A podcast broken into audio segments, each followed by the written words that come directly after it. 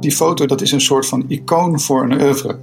Die ene foto die heeft de hele wereld overgereisd en is absoluut een van de belangrijkste foto's ooit door een Nederlandse fotograaf gemaakt. En tegelijkertijd staat het voor een heel verhaal. Het verhaal van een koep in Chili en ook het verhaal van eh, de fotograaf Chess Gerritsen. Het is een fascinerende figuur. Zijn levensverhaal leest als een uh, avonturenroman. Je hoort Martijn van den Broek. Hij is hoofdcollecties bij het Nederlands Fotomuseum in Rotterdam. En hij vertelt ons het wonderlijke verhaal van een Nederlandse fotograaf die zijn carrière begint als krokodillenjager en die daarna vanuit de loopgraven de oorlog in Vietnam vastlegt. En vervolgens in Hollywood sterren als John Travolta en Tom Hanks voor zijn lens krijgt. Een fotograaf van wie je waarschijnlijk nog nooit hebt gehoord.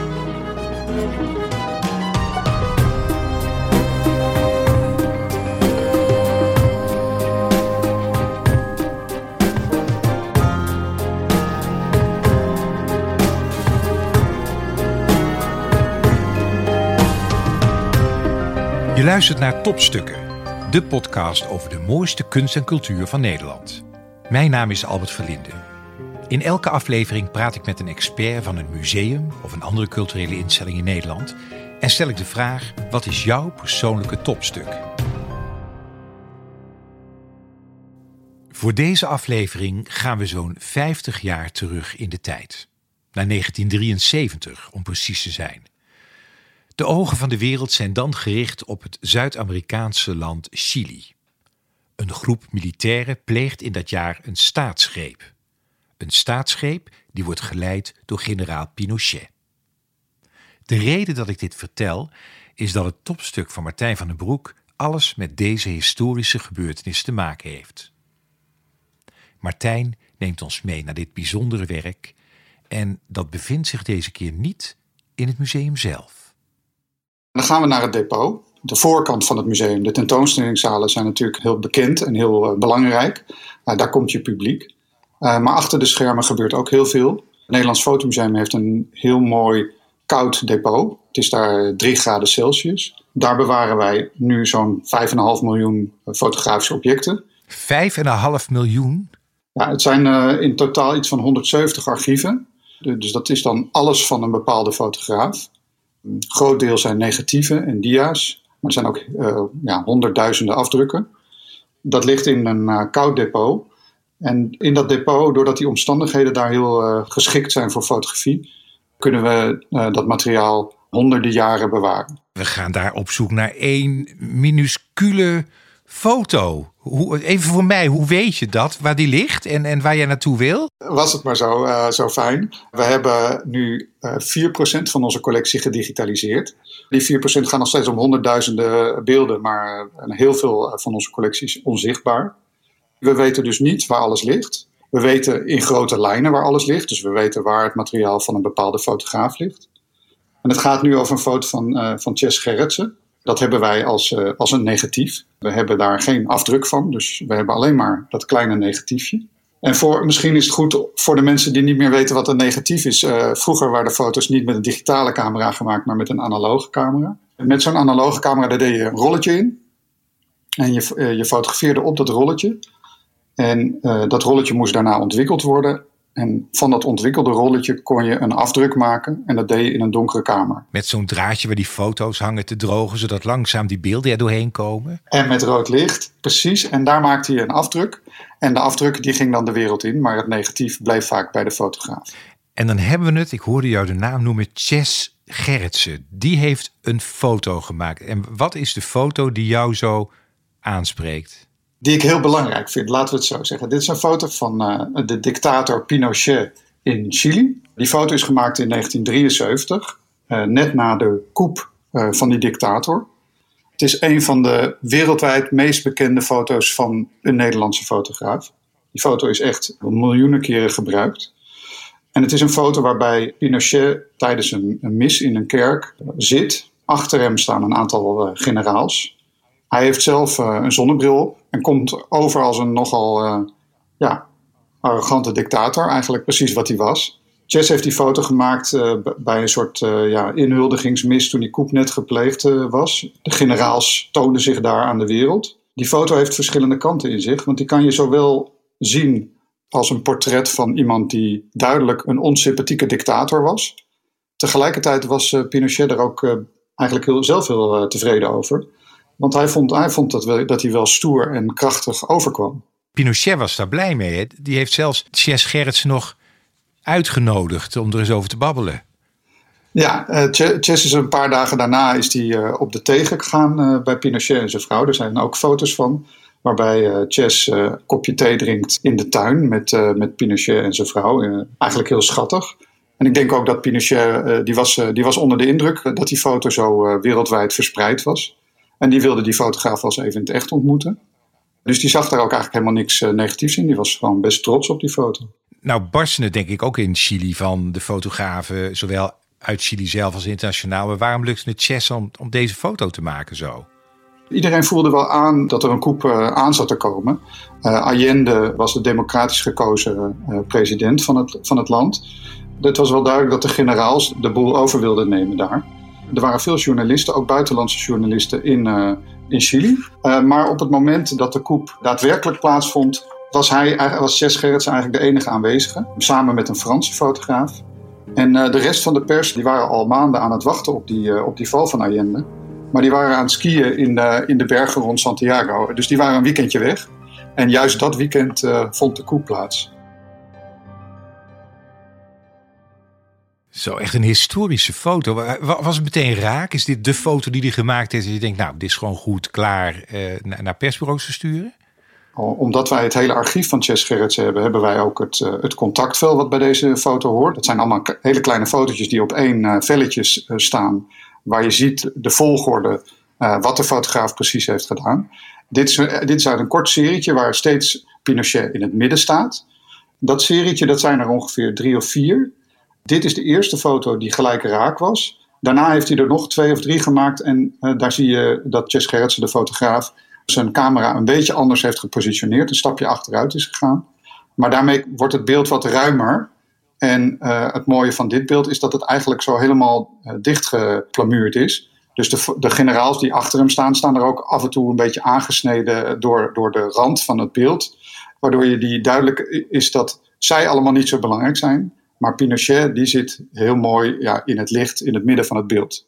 Was het meteen een foto die bejubeld werd? Ging die foto meteen de wereld over? Ja, die foto ging vrij snel de, de wereld over. En ik denk ook dat die echt een icoon is geworden. En naar de hand ook een icoon van een, van een schoft. Dus die foto is ook uh, gebruikt door andere koppen op die uh, foto van uh, Pinochet te plakken. die foto is echt een, een, ja, een wereldberoemde foto geworden. En een icoon van een dictator. Dus die kan je gebruiken als je wil laten zien dat iemand een machthebber is die de boel naar zijn hand zet.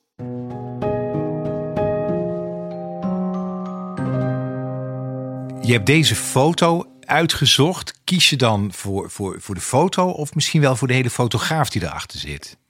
Die foto dat is een soort van icoon voor een oeuvre. Die ene foto die heeft de hele wereld overgereisd en is absoluut een van de belangrijkste foto's ooit door een Nederlandse fotograaf gemaakt. En tegelijkertijd staat het voor een heel verhaal. Het verhaal van een coup in Chili. En ook het verhaal van uh, de fotograaf Chess Gerritsen, die allerlei verschillende fotografiestijlen heeft gebruikt. Allerlei verhalen heeft verteld. Even die, die Chess Gerritsen, wat, wat was dat voor man? Want ik had echt niet, niet echt van hem gehoord eigenlijk. Het is een fascinerende figuur. Zijn levensverhaal leest als een uh, avonturenroman. Hij is geboren in Groningen, is op zijn achttiende uh, met een boot naar Australië vertrokken. Daar heeft hij allerlei baantjes gehad. Uh, taxichauffeur, maar hij heeft ook op krokodillen gejaagd. Um, hij is daar een soort van cowboy geweest. Uh, hij heeft zichzelf Tex genoemd, alsof hij uit Texas kwam. Hij had, een, een grote cowboyhoed op en deed in Australië alsof hij Amerikaan was. Vervolgens is hij van Australië naar Amerika verhuisd. En daar heeft hij diezelfde baantjes gehad, allerlei verschillende beroepen. verkocht autopoetsproducten, uh, reed taxi, is in het Amerikaanse leger gegaan, maar kwam er al snel achter dat dat toch niet echt wat voor hem was. Daarna is hij uh, naar uh, Zuidoost-Azië gegaan, heeft in Vietnam eerst gewerkt als geluidsman, later als filmcameraman. En op een gegeven moment is hij ook begonnen met fotograferen en was toen oorlogsfotograaf in 1968 in, in Vietnam. Zo, dus hij is echt wel bij, bij hele grote historische momenten geweest. Dit Vietnam-verhaal, uh, Chili, de, de, de grote coup. Hij heeft allerlei oorlogen verslagen, allerlei belangrijke uh, documentaire foto's gemaakt. En toen op een gegeven moment heeft hij besloten zich weer in, in de Verenigde Staten te vestigen na, na veel omzwervingen. En toen is hij gevraagd uh, door Francis Ford Coppola om uh, setfotograaf te worden bij de opnames van de film Apocalypse Now. Iconische film. Absoluut. Hij was daar uh, gevraagd omdat Coppola vond dat als je een oorlogsfilm maakte, dat je dan de fotograaf die daar foto's maakte, dat dat dan ook fijn was als dat een oorlogsfotograaf was. Nou, logischer kan je het niet doen inderdaad. Chess kwam daar eigenlijk vrij onverwachts binnen, binnenzeilen. Het was natuurlijk een volstrekte idiote manier van hoe een film gemaakt werd. Ik geloof dat er 350 man bij betrokken waren. En die uh, zaten daar allemaal in de, in de jungle. Met te weinig geld en met filmsterren die niet wilden doen wat, uh, wat de bedoeling was. Uh, Chess heeft toen op een gegeven moment aan Coppola voorgesteld dat er een rol voor een fotograaf in die film thuis hoorde.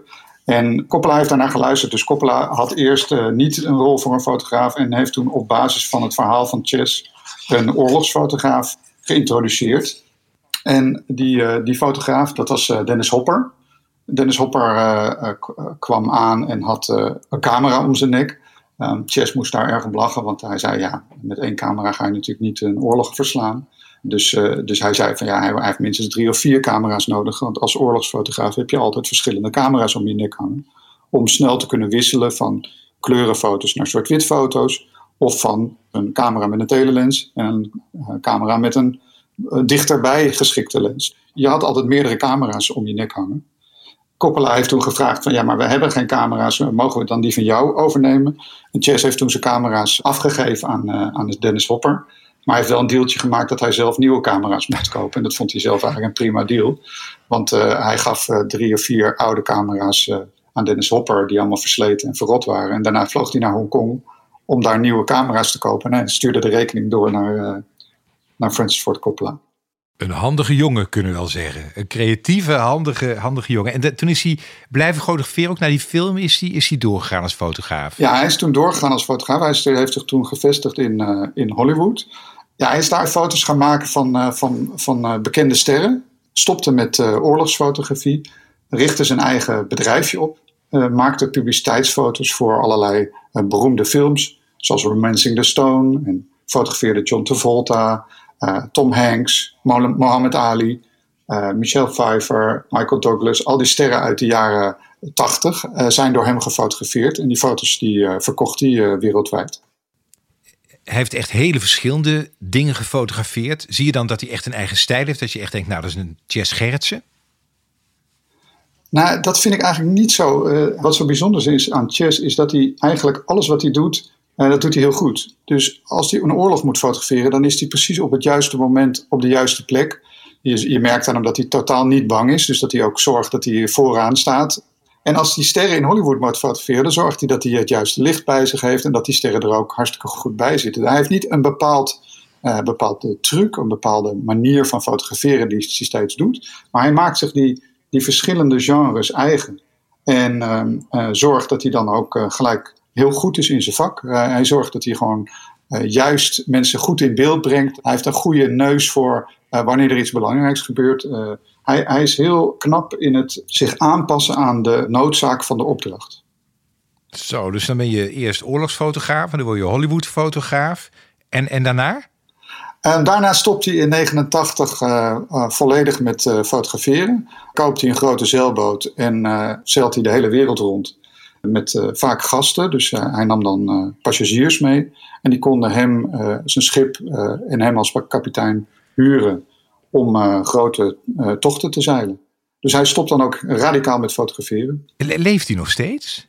Ja, Chess leeft nog steeds. Hij zeilt ook nog steeds rond. Het is een fascinerend levensverhaal en het is fascinerend werk. Nou, fantastisch. We hebben net verteld, hij heeft zoveel meegemaakt als je nou in al die jaren kijkt, of het nou Zuidoost-Azië is, of het is Zuid-Amerika of Apocalypse, nou, waar zou jij bij geweest willen zijn? Bij wat voor moment? Nou, ik denk wel dat uh, Apocalypse Now als, als uh, set, ik denk wel dat het een, een bijzonder fascinerend verhaal is. Dat is zo bijzonder materiaal. daar, daar wil je bij zijn. je wil ook bij, die, bij de opname van zo'n film zijn. het is toch echt een iconische film. Die soms is nog, nog gekker dan de oorlog zelf. En ik denk wel dat dat echt een fascinerend moment is geweest in de geschiedenis. Je hoorde Martijn van den Broek van het Nederlands Fotomuseum over het bijzondere verhaal van de fotograaf Chess Gerritsen. Dit was Topstukken, aangeboden door de Bank Gio Loterij, de cultuurloterij van Nederland. Mijn naam is Albert Verlinde ambassadeur van de Bank Giro Loterij. Ik ben er trots op dat wij ook nu cultuur blijven steunen in heel Nederland, dankzij onze deelnemers.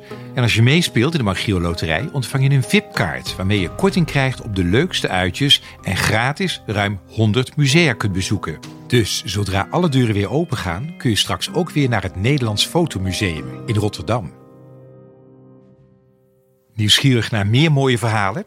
Abonneer je dan op deze podcast in je favoriete podcast-app of ga naar bankgiroloterij.nl slash podcast.